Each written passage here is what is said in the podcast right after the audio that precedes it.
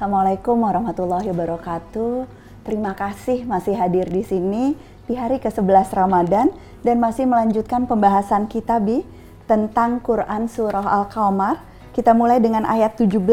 Kalau baca terjemahannya ya Bi. Oke. Dan sungguh kami telah mempermudah Al-Quran untuk menjadi pelajaran. Maka adakah yang akan mengambil pelajaran? Ini ayat yang sesungguhnya diulang beberapa kali ya, Bi, Diulang uh, beberapa secara kali. makna. Oke. Apa uh, penafsiran utamanya dan kenapa Abi suka sama uh, Iya. ayat ini sesungguhnya? Iya. Jadi begini, eh, ayat ini menggambarkan bahwa sebenarnya orang yang mau mempelajari Al-Quran itu mudah. Mudah. Yang di, yang dituntut dari dia hanya kemauan. Setelah ada kemauan, Tuhan akan membuka eh, eh, wawasan seseorang untuk eh, memahami Al-Quran karena dia sangat mudah. Eh, yang pertama kalau kita akan bahas ini, yang pertama kita ingin berkata begini bahwa firmannya walaqad sungguh kami bersumpah bahwa kami telah kita lihat sumpah dan Telah. telah. Jadi bukan janji, ini telah. Oke. Yasarna kami mempermudah. Nah, kita lihat lagi. Kami biasanya walaupun tidak selalu kalau Allah menunjuk dirinya dengan kami maka itu ada keterlibatan selain dari Allah. Jadi kalau kalau begitu kemudahan ini dimudahkan Allah tetapi ada peranan manusia untuk ikut memudahkannya. Kitanya juga harus punya niat untuk bersungguh-sungguh dan mau mempelajari Ah, Al-Quran. ya. Eh, se- sebelum kita eh, bah- bahas eh, Al-Qur'annya bersungguh-sungguh kesungguhan itu harus 100% atau tidak harus 100%? Kadang-kadang susah Bi kalau langsung 100%.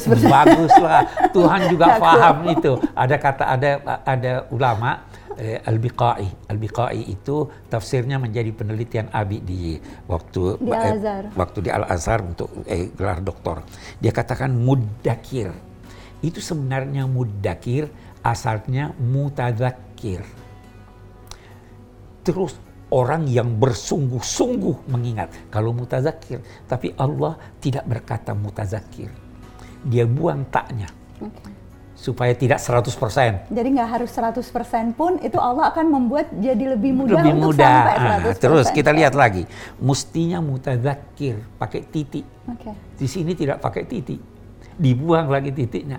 Jadi sebenarnya begitu Anda melangkah untuk memahami Al-Quran, terbuka kemudahan itu diberikan oleh Allah.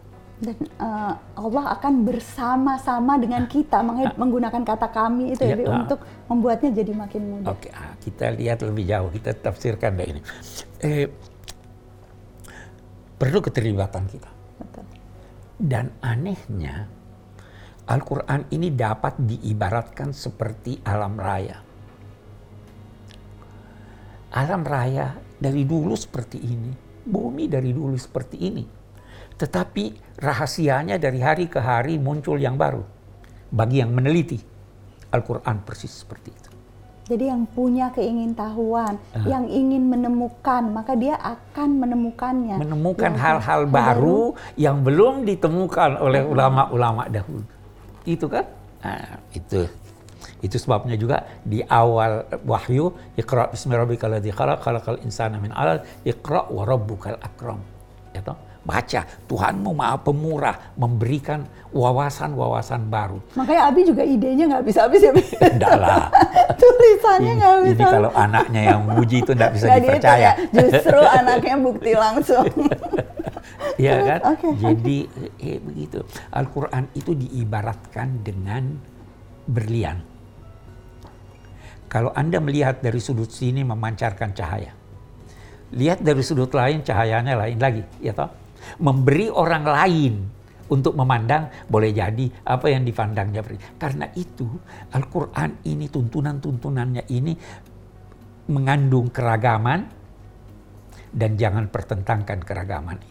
Karena memang secara esensi pun Dia- sudah dibuat untuk, memunculkan untuk, banyak memunculkan keragaman. keragaman. Jadi jangan bertengkar menyangkut penafsiran Al-Qur'an, gitu. Kita Walakat- lanjutkan Bi, yang eh, berikutnya tentang kaum Nabi Hud ya Bi, kaum Ad Ah, yang kaum digambarkan. Ad, kaum Ad, kaum Ad. Oke.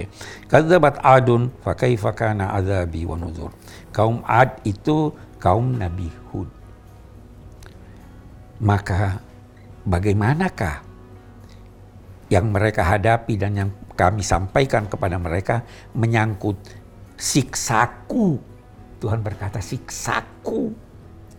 Ini memberi isyarat bahwa siksa ini demikian besar karena langsung dari Tuhan. Betul. wanuzur dan peringatan-peringatan. Kita lihat peringatannya berbentuk jamak, siksanya berbentuk tunggal. Tunggal. Jadi peringatan sudah berulang-ulang baru jatuh siksa. Dan peringatannya bahkan sejak eh, zaman kaum Nabi Nuh ya, Bi, sebelum eh, kaum Nabi Hud ini Betul. hidup. Uh, um, Inna arsalna alaihim rihan sarsaran fi yaumi nahsin mustamir. Ini siksanya. Kami mengirimkan kepada mereka angin sorsor. Itu dikatakan oleh sementara ulama, suara angin itu berdesir demikian keras seperti sehingga seakan-akan sor sor sor sor. Itu salah satu penafsiran. Pada hari sial yang berkelanjutan. Hari sial berkelanjutan. ini ah, Aduh. ini kita lihat kita mau bahas ini eh apakah memang ada hari sial? Nah itu ada ada yang nanya bi, boleh nggak ja- bukan Abi yang jawab? Karena persis persis ada pertanyaan tentang ini. Nanti Abi eh, mohon dilengkapi tapi eh, saya punya catatannya. Ini ada eh, pertanyaan dari eh, Ibu Regina, Ibu Regina di Jakarta, bagaimana praktek yang terjadi di kalangan kita yang selalu mencari hari baik atau menghindari hari sial ketika melakukan sesuatu. Nah, pertanyaannya sangat relevan dengan pembahasan kita dan akan dijawab oleh Ustadz Royhan Firdaus, alumni dari Bait Al-Quran, Pusat Studi Al-Quran. Silahkan Ustadz Royhan. Ada sebuah pertanyaan bagaimana praktik di sebagian masyarakat yang selalu meyakini adanya hari baik dalam melakukan sesuatu. Jika ada seseorang yang mengimani terlalu mendalam secara totalitas bahwa ada suatu hari yang mempengaruhi terhadap nasib manusia, maka itu sangatlah tidak benar dan patut untuk dijauhi. Kenapa demikian? Karena hari dalam kehidupan ini semuanya baik karena semuanya datang dari Allah Subhanahu wa taala. Tetapi memang ada di dalam Al-Qur'an hari-hari yang mendapatkan keutamaan itu pun karena memang Allah Subhanahu wa taala yang menetapkan. Di dalam Al-Qur'an surah Al-Asri ayat 1 sampai 3 sudah jelas mengatakan bahwa manusia berkaitan dengan waktu itu pasti merugi kecuali orang yang beriman dan beramal soleh serta saling menasihati. Ketahuilah yang mempengaruhi bukan harinya, tetapi perbuatan kita. Selama perbuatan baik, maka pasti semua dampaknya pasti akan baik. Terima kasih. Terima kasih Ustadz Royhan, terima kasih Bu Regina pertanyaannya. Abi Ella ingin lanjutkan mengenai hari sial yang dialami oleh kaum Ad ini. ya jadi sebenarnya eh, tidak ada istilah hari sial semua hari itu baik kalau mau memilih hari baik kalau mau ngundang orang jangan musim hujan itu hari baik. Karena nggak macet dan nggak banjir ya. Ya. iya. semua hari baik ya. Ini eh, apa namanya siksa ini digambarkan oleh Tuhan eh, wa amma adun fa uhliku birihan sarsarin atiyah sakharaha alaihim sab'a layalin tujuh malam dan delapan hari. Jadi itu semuanya sial. Apa memang semua sial itu ada tidak mungkin dong. Sial itu perasaan Sial itu pengalaman satu orang atau dua orang yang buruk terus tersebar terus dianggaplah itu sial. Hari Jumat hari baik, hari Sabtu hari baik. La tasubbudar kata Nabi. Jangan menghina, mencaci masa. Tuhan yang mengatur masa. Ya toh? Betul. Kalau memang ada hari baik, kenapa ada Lailatul Qadar? Iya, Jadi tidak betul. ada. في يوم نحس المستمر تنزع الناس كأنهم أعجاز نخل منقعر angin ini begitu keras orang yang berdiri atau yang duduk atau ini itu diangkat baru dihempaskan seperti halnya pohon-pohon korma yang begitu kokoh ke dalam itu tercabut sehingga tergeletak semuanya. Ya Allah, bisa kita bayangkan Iya. betapa beratnya sebetulnya uh, azab Allah kepada kaum Ad ini ya. Hanya kita bersyukur ada Nabi bersabda bahwa umat-umat yang terdahulu itu jika datang siksa Tuhan itu memporak-porandakan mereka dan membinasakan semua mereka.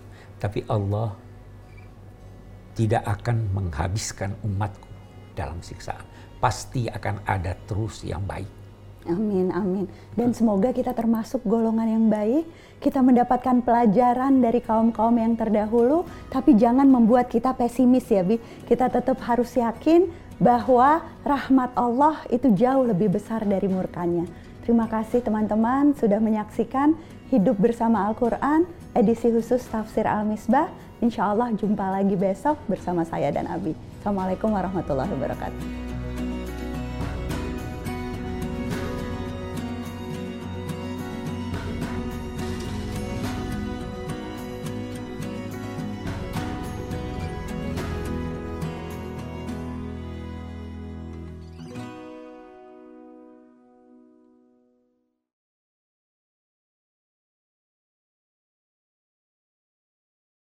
Bait Al-Quran adalah salah satu program pusat studi Al-Quran dalam bentuk pesantren pasca tahfiz khusus bagi santri berbagai daerah yang sudah hafal 30 juz.